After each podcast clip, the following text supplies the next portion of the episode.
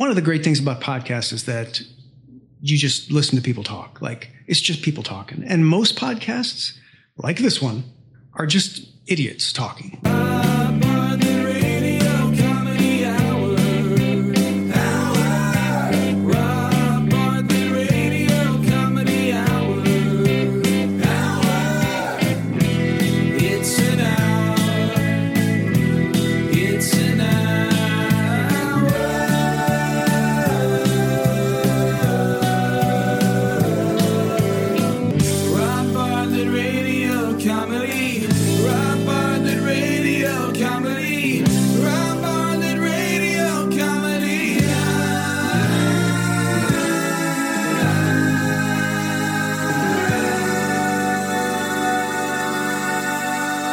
Welcome to the Rob Bartlett Radio Comedy Hour, boys and girls. I am Rob Bartlett, and this is my Radio Comedy Hour. Before we get started with a, a brand new episode, finally, uh, I want to remind you there's still time for you to procure my services for the greatest Father's Day gift your dad will ever get. Forget the necktie, the barbecue utensils, the slippers. Get him a personalized greeting from me as one or more of my various characters even in my phony wrestling announcer voice, you know, the one I used as one of the top 10 worst wrestling announcers of all time after my brief stint on WWF Monday Night Raw.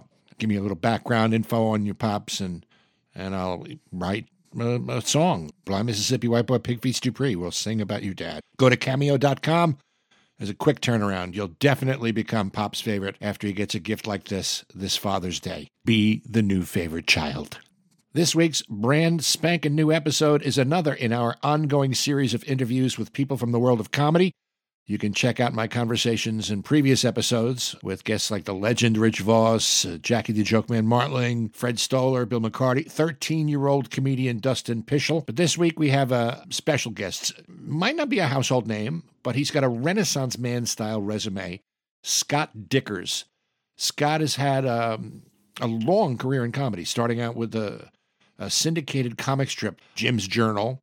And then he was the founder, owner, and editor in chief of The Onion, which for the first eight years was a weekly newspaper parody, and then segued into the world's first humor website that has millions of subscribers. He lectures and teaches classes in comedy. He's authored a series of New York Times best selling books about how to write funny, written screenplays, online short films, for which he's won a couple of Peabody Awards. He's won the Thurber Prize for American Humor, made the Entertainment Weekly It List, was number 43 on Time Magazine's Top 50 Cyber Elite, right behind Steve Jobs, Bill Gates, and that kid you might know, George Lucas, had this funny little thing called Star Wars. His new project is a weekly video podcast show on YouTube called Scott Dikkers Around. And he also subscribes to what is, I think, a somewhat controversial belief that being funny is a science that can be taught which, for those of us who consider ourselves brilliant geniuses with innate God given talent, is a concept that is absolutely ridiculous while simultaneously threatening to our fragile egos. But despite that, he's a very humble, down to earth, and genuinely nice guy. Really fascinating guy. Um, so enjoy my, my little chat with comedy everyman, Scott Dikkers. Scott, how you doing? Thank you for having me, Rob. It's great. I'm I'm doing great. Uh, you're you're like this legendary guy, this resume, you know, author and teacher and and a filmmaker and writer and I mean, is there anything that you don't do? Well, thanks for saying that. I'm old, so I've I have a long trail of things that I've been doing. Not as old as me. tends tends to accumulate. I'm getting there, getting there. I don't know how old you are, but I'm damn old. So yeah, it's just it's one of those things. And I, also, one of the things that I think people find surprising about my resume is that I've never been a horn blower, so I don't really go out and promote myself. I'm always promoting the thing I'm working on, the brand, you know, the onion, the AV club, whatever it is I'm doing, my books. And so I'm very much the guy behind the curtain on a lot of things. So kind of comfortable in that position and trying to get a little out of that just to expand my horizons, you know, mm-hmm. push against my comfort zone a little bit. Right putting myself on video more. I've always gone out and given talks and performed, but um, trying to do that more as well. So yeah, that's what did, I'm up, up to. Did you ever do stand up? Yes, I have been doing the lecture circuit for a long time. I would go out and represent the Onion, and we would do these comedy presentations. It was just me on stage, and then I started doing st- actual stand up, going in clubs and you know open mics at first and so forth. And then that just helped me get more comfortable with the the lecture circuit stuff because obviously you get paid a lot more to do the lecture circuit talks oh, than yeah. you ever are going to get paid for doing stand up yeah.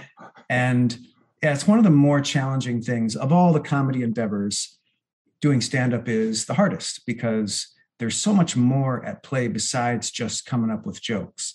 It's about your soul. You're up there in front of people and all of your weaknesses come to the fore all of your fears.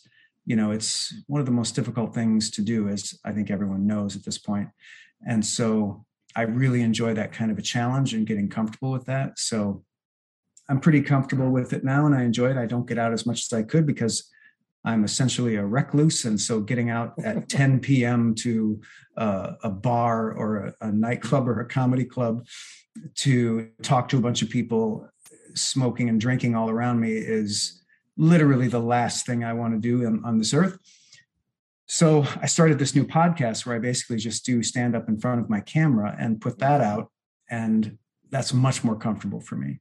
I still will do the other when I get the opportunity. I just came back from Podfest where I, I gave a talk and that was a lot of fun. But yeah, the uh, I, I need to I need to create my own outlets for for that satisfy all my needs and kind of correct for all my weaknesses. That's kind of what I've always been doing. It always uh, amused me the, the irony of stand-up comedians going into it because they they crave the attention, they crave the approval, and and they get the attention and they're constantly putting themselves on the line to win the approval. But the approval is not guaranteed and yet they're constantly walking that tightrope trying to say like me like me like me. Were you always funny? No i know no one's always been funny. Everyone is born very unfunny. We're born very serious you know when when we're cold we cry. When we're hot we cry. When we, we're hungry we cry. There's no humor involved in that in that process. We don't come prepackaged with a brilliant sense of humor or being a brilliant storyteller. So the only thing that creates funny people is i think what created me which is early on in life I must have done something that got a laugh or got attention. And I can remember back to being like four years old and drawing little cartoons for my grandma that she, you know, heaped praise on me for.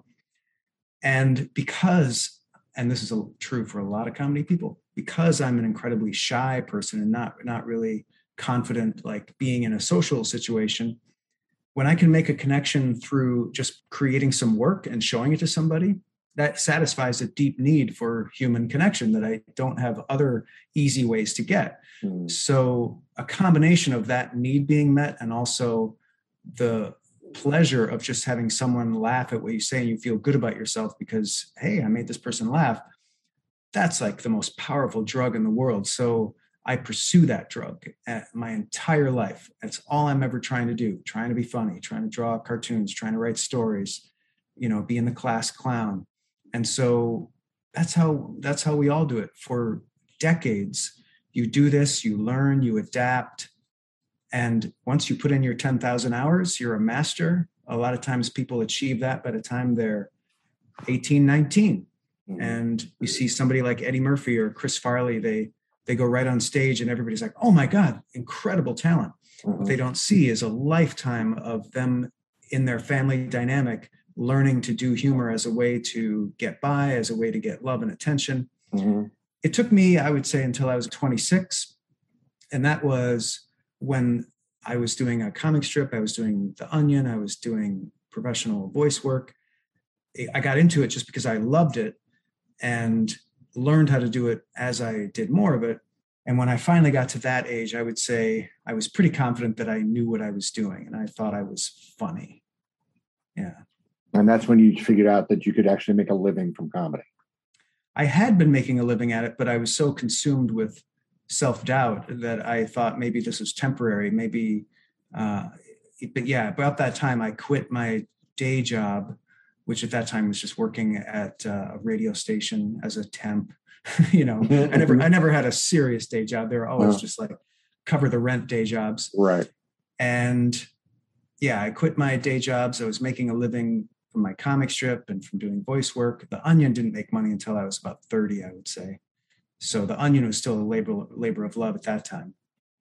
But those things all sort of happened at the same time. Figuring out I was funny, making a living doing it.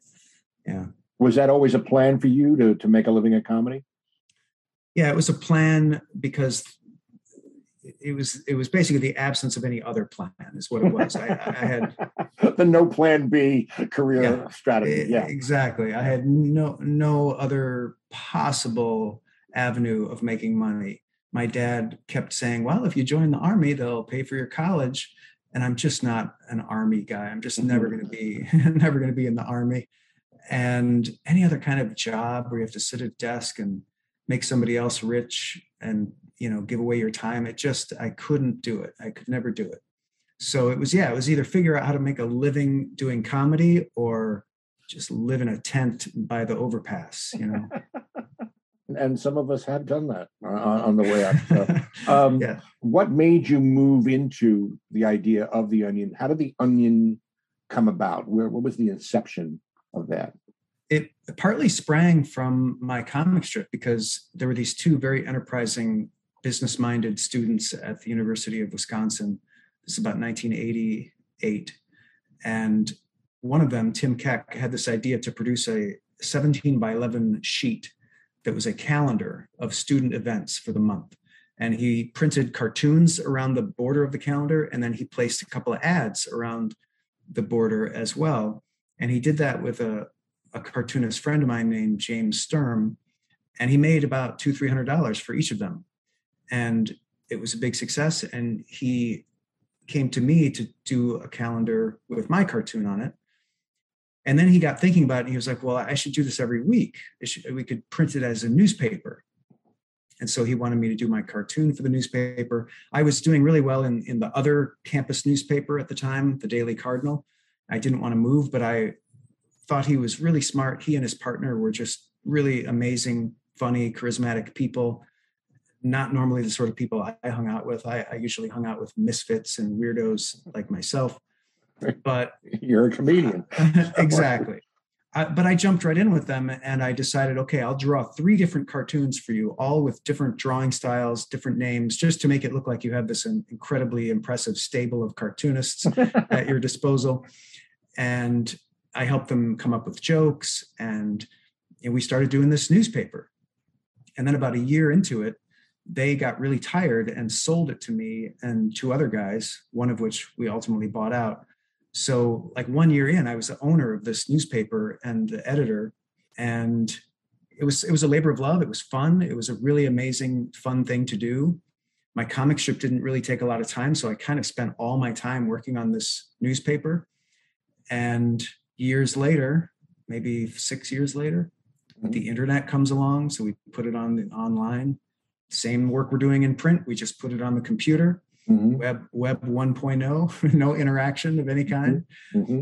and it all kind of snowballs from there and now where is it at now in terms of followers and yeah the onion is uh, at a pretty absurdly large uh, and incomprehensible level at least in terms of when we started it who could have ever thought but yeah, there there are like tens of millions of social media followers. It's a hundred million dollar company, and it employs at least a hundred people, hundred full time people.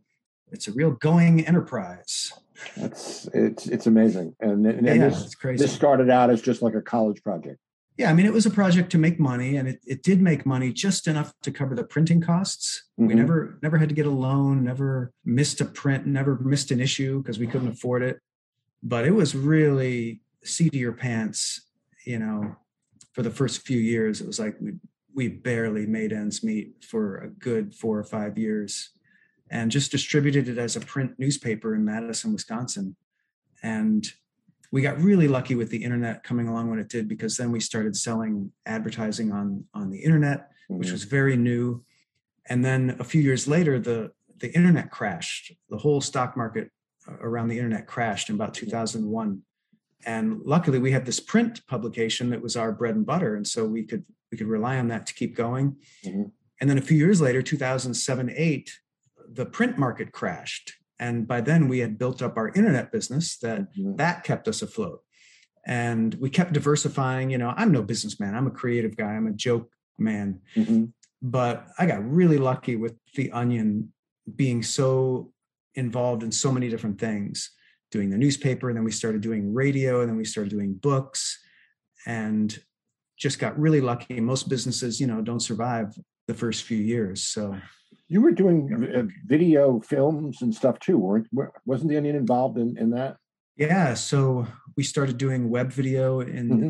the mid 2000s that was a really fun project and the, you, know we still do some videos but the first videos we started doing were so expensive. I think we spent about $25,000 per three minute video that we mm-hmm, made.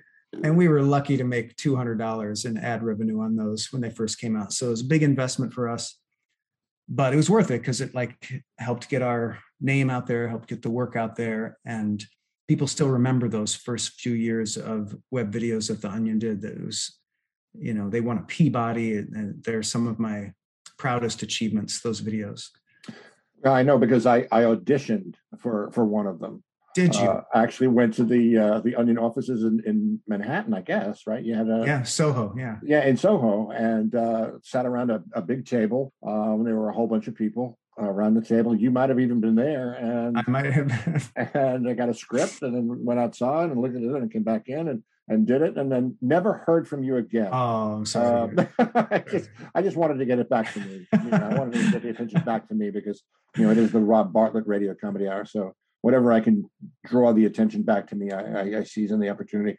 Um, that is your right, sir.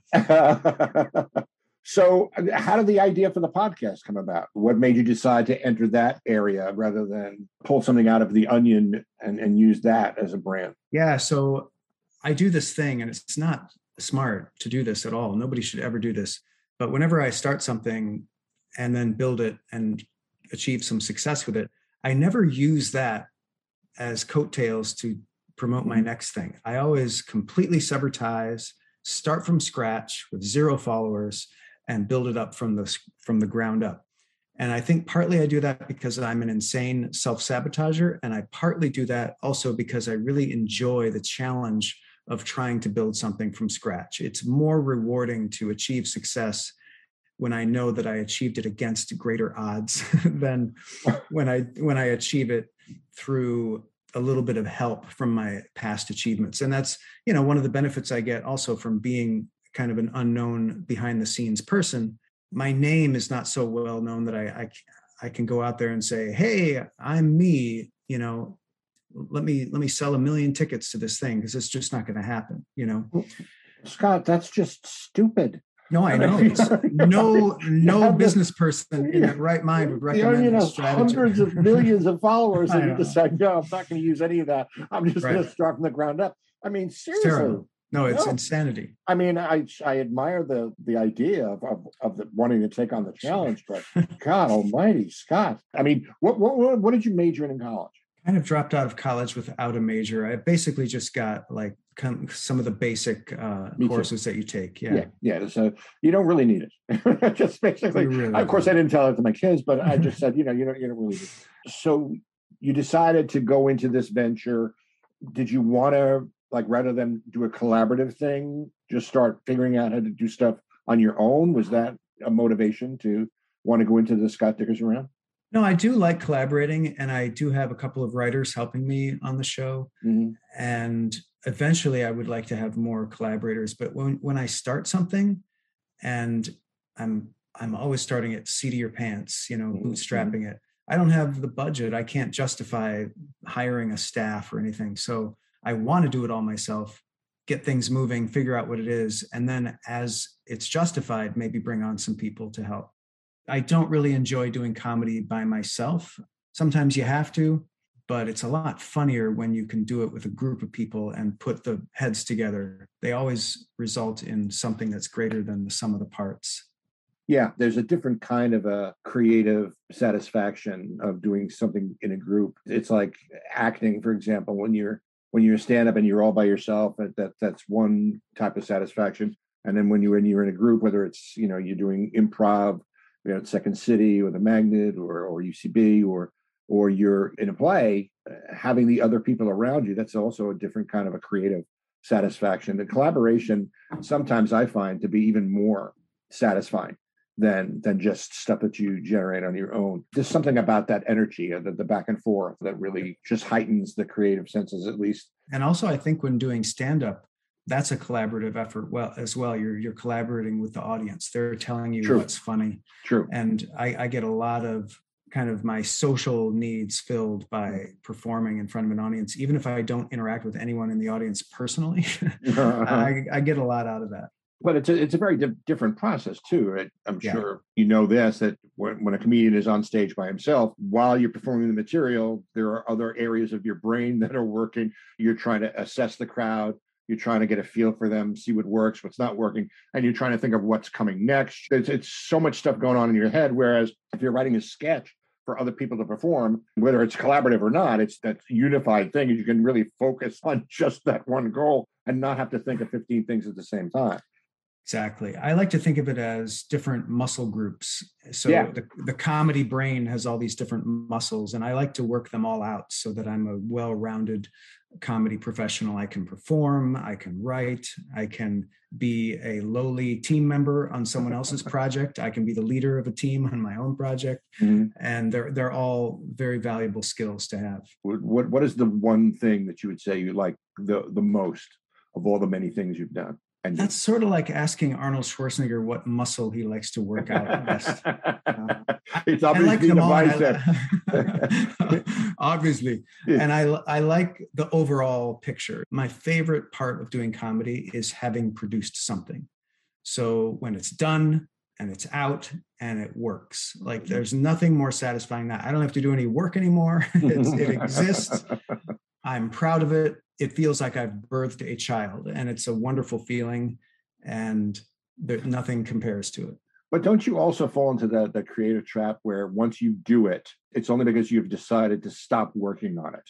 Because there's always, no matter what I write or what I perform, whatever I do, I always am thinking, oh, I could do this better. I could have added this. I could have taken that out. Yes, every every comedian and comedy writer has that problem, and having deadlines and putting things out really does help because there's a stopping point where you have to stop. And Mhm. over over the years, having deadlines with my comic strip and with the Onion every week really helped me discipline that part of myself because yes, I would just keep changing it.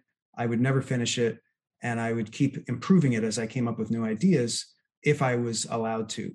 But now what I do is after I release it, for the first few days, I'll I'll have like second guesses and I'll like, oh yeah, that that would be much better if I did it like this, and I'll tweak it and change it and and re-release it.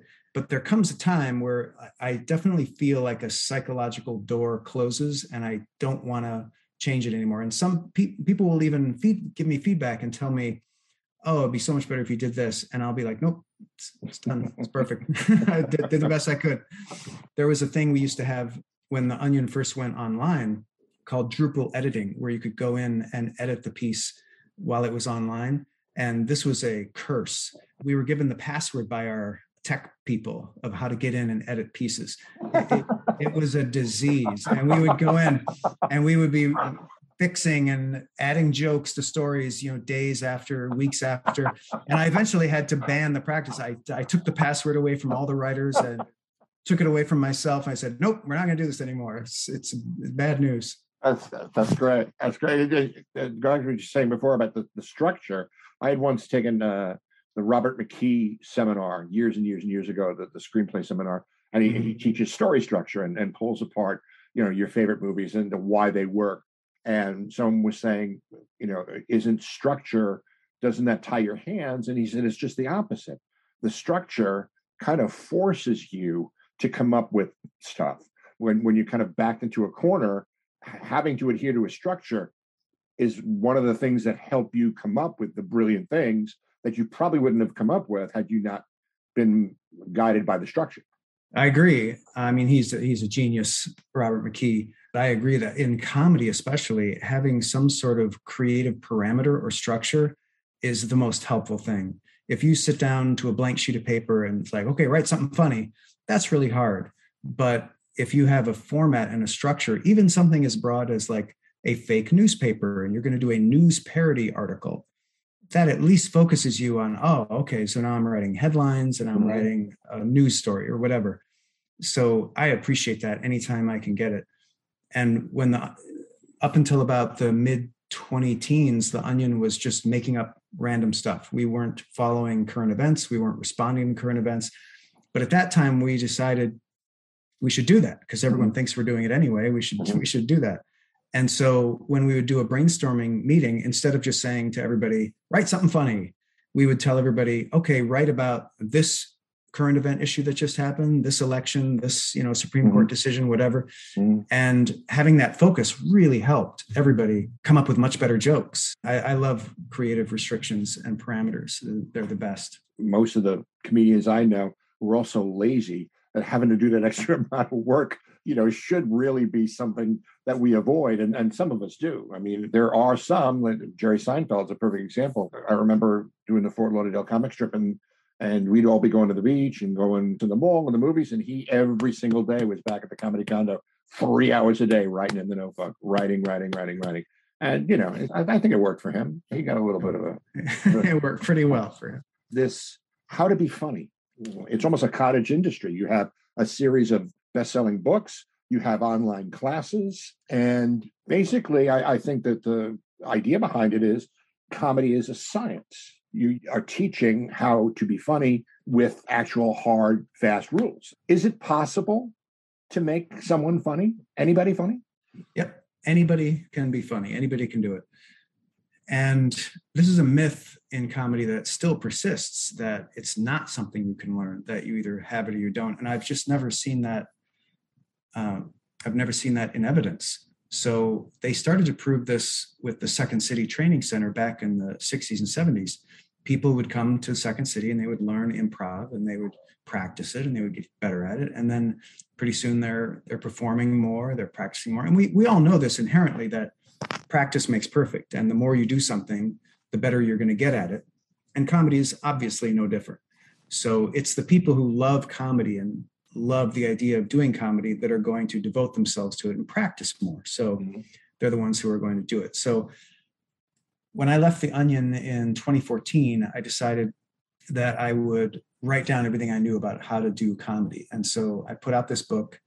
And again, same thing. Didn't tell anybody about it, just slipped it on Amazon without any promotion. And it just kept selling. And it would sell more and more every every month, sell more and more and more. And so it was really just how to tell a joke.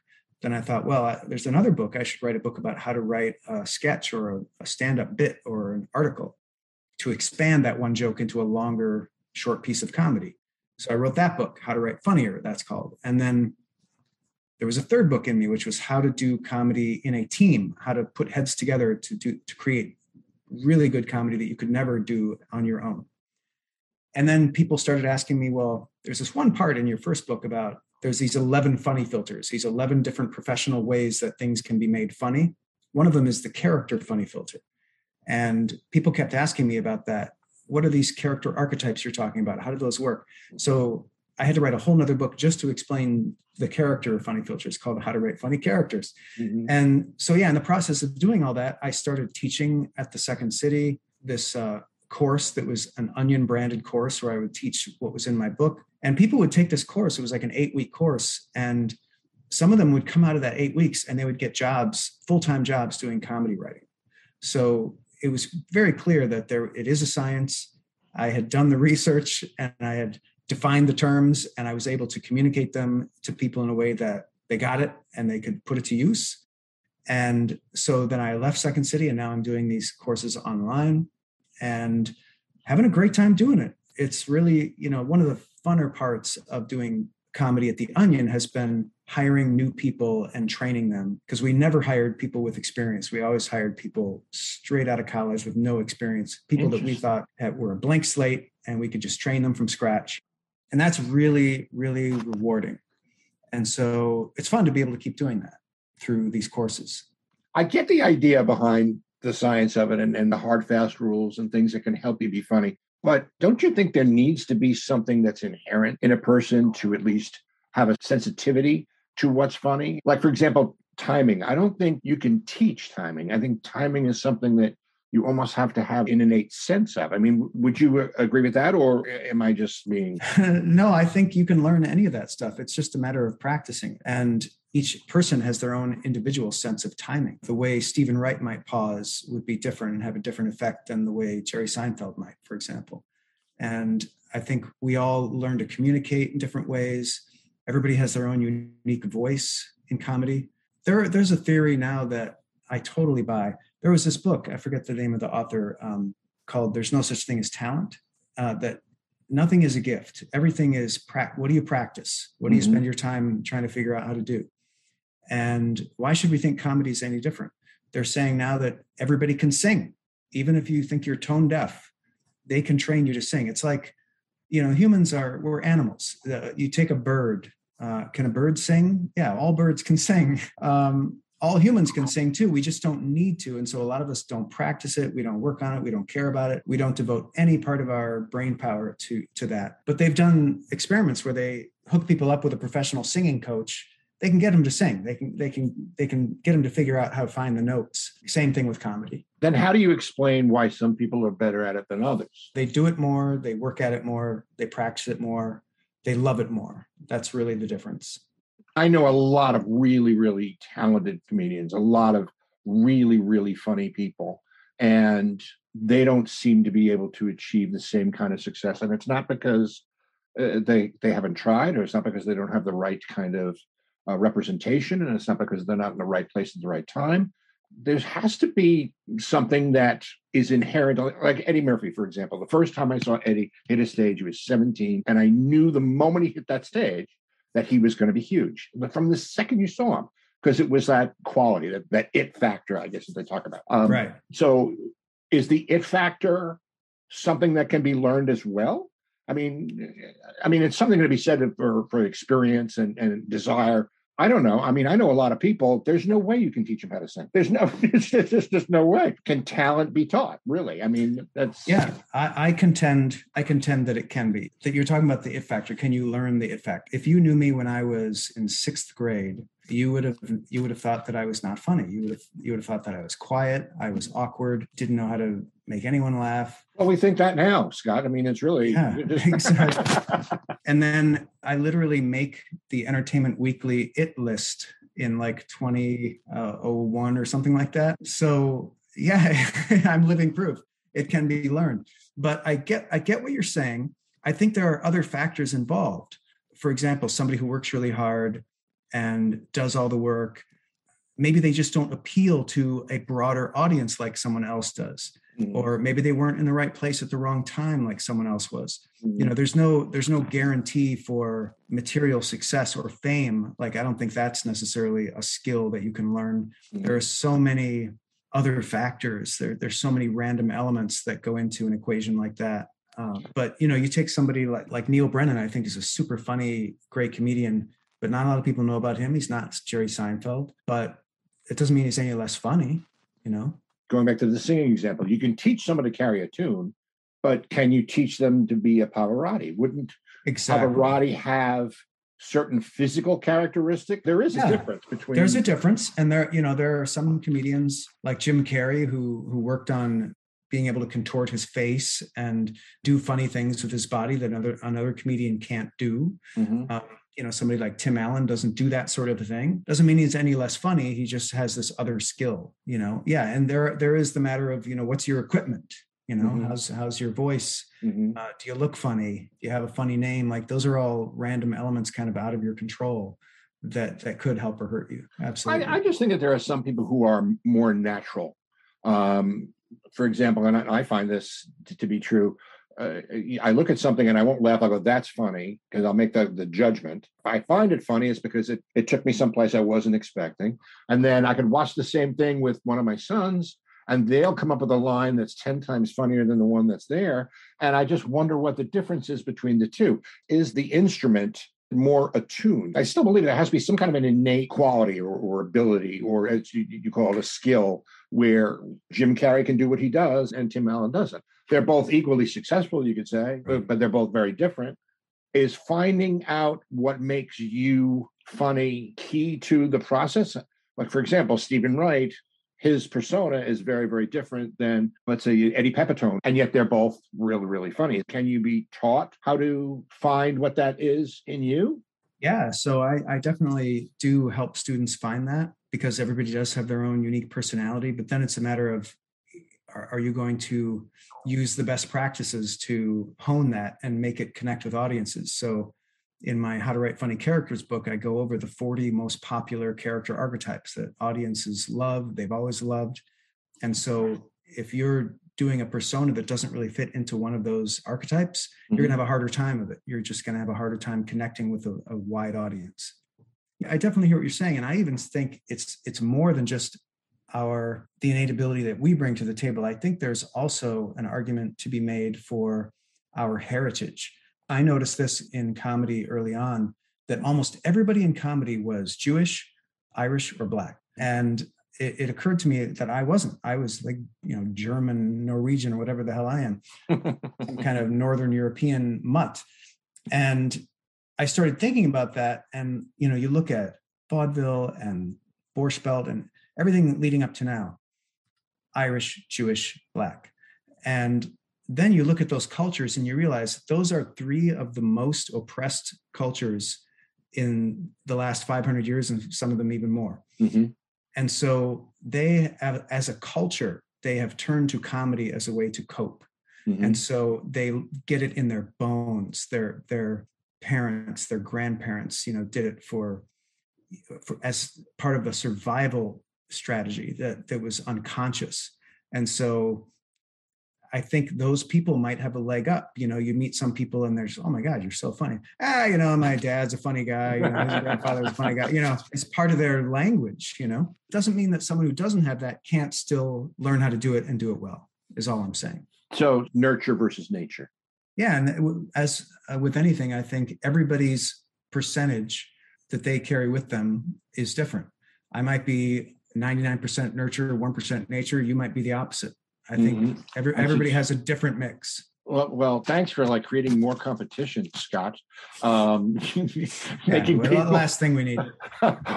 people who aren't funny, you're making them funny. I appreciate that you're just making a joke, but I do believe it's a zero sum game. I think that when somebody is out there that's funny, it only makes the world a better place. I don't think it takes away from anybody else. Oh no, I'm just you know. I know you're just you know just competition. You know, it's always you're like, talking about the yeah the uh, you know the the jobs that need to be filled, all those lucrative comedy jobs that uh, and, and, the comedian's ego is just one of the worst egos in, in show business. I mean, totally. you know, which show did you see the first show or the second? Those old prime showbiz jokes that you know, if you're a comedian, you really relate to because yeah, we're we're we're all like that. What's next after this? I'm sure you must be planning something 13 episodes in i'm really enjoying it and i'm trying not to look at the numbers i'm trying to just do my best and have fun because ultimately that's what it is. It's like it's me just kind of performing in front of the mirror. I just happen to be releasing it. But that's and, but i think that's the quality that kind of makes it what it is and why i think that it's so entertaining and enjoyable and accessible is because you don't get the sense that you know he's applying all these scientific rules to what he's doing. It just seems like it's just you naturally talking and the animation is always also great and thank you um, it's it's really boys and girls if you haven't seen it go on to youtube and, and check out scott Dikkers around it's really really well produced really funny and each episode is oh it's like 10 15 minutes long something the like perfect the range. perfect amount of time yeah even without the video if you're just even listening to it it still works so oh you know, thank you um, I appreciate those kind words very much, Rob. Yeah. So the plan with it is just keep doing it. And you know, like I said, I'm an old man and I, I don't know how many years I have left in this world. So I'm just going to keep uh, having fun, keep making that show. I'm going to keep writing books and I'm going to keep teaching other people how to be funny and, you know, trying to enjoy the process more. I think I'm sure you can relate to this. So many of us in comedy are perfectionists and we get obsessed with trying to do something that's amazing and perfect and great. And that's just a that's a losing game. It's so much better to hmm. just have fun and not worry so much. In the old days if i had released an issue of the onion and it had a typo in it i would just be depressed for like a week. Like oh it wasn't perfect. There was a typo on page five. And so now if i have a typo in something someone will send me you know a, a, a comment and say hey you got a typo in the thing. I, I laugh it off that's healthy for me. That's very healthy for me to have a typo. Thank you for pointing that out. It grounds. It, keep, it keeps you humble. Grounds me exactly. Uh, well, well, thanks for for being here. Uh, Scott Dikkers Boys and Girls, the weekly TV show podcast. Scott Dikkers around. Uh, it's ad free, so you don't have to sit through any commercials. Look at some of the onion stuff that he was responsible before before he decided to leave, which is something I really wanted to get into. But maybe next time we speak, why you left the onion when it sure. was just this money making machine. right. um, and then go on Amazon and check out this book collection that he has on how to be funny. And he knows what he's talking about. He won a Thurber Prize for humor. He, he won a couple of Peabodys. I mean, look at how successful he is. So there's something there. So maybe you should get a book and figure out how maybe you could get in on some of this action that uh, Scott seems to do so well. Um, and yeah. don't forget the online classes. Online yeah. Classes. I, I signed up for one. Yeah. Oh, the- wonderful. You humble me, Rob. I thank you. I enjoy being on your show. It's a great show. And thank you so much for having me. Scott Dikkers, fascinating guy, and a hell of a nice guy too. A resume like that, and and still just unassuming, down to earth, humble man. I know some pantloads in this business, boys and girls, who don't have a tenth of his credits, and they're complete and total douche nozzles. But but what really but Scott's a prince, and, and, really interesting ideas about what it takes to be funny. Check out his new uh, podcast series, Scott Dikkers Around, D I K K E R S, by the way. There's no C, you filthy bastards. Get your minds out of the gutter. He's a clean act. He doesn't have to go blue to be funny. You can find his book series, How to Write Funny, on Amazon. And if you want to check out his online comedy courses, go to scottdikkers.com. If you like this week's podgram, subscribe if you haven't already. Urge your friends and neighbors and family members you're still speaking to to do the same. Leave a nice little review on the Apple Podcast site. It helps the visibility of this show and gets us out in front of more people. We love to hear from you. So if you have questions, comments, suggestions for future episodes, drop us an email at Robio Radio Comedy Hour at gmail.com. Robio is R O B I O. It's R O B I O, R A D I O. It should have like a jingle or something. Follow us on Twitter at The Robio, Instagram, Rob Bartlett Radio Comedy, TikTok, TikTok, Robio, TikTok at Robio Bartlett. If you're an actor or comedian, or you just look like one, check out the rbstudio.com you can get online coaching and instruction and not only stand up comedy and comedy technique, writing, but audition prep, acting, scene study, monologues, creating characters. The rbstudio.com, all kinds of classes and live performance for everyone from teens to adults.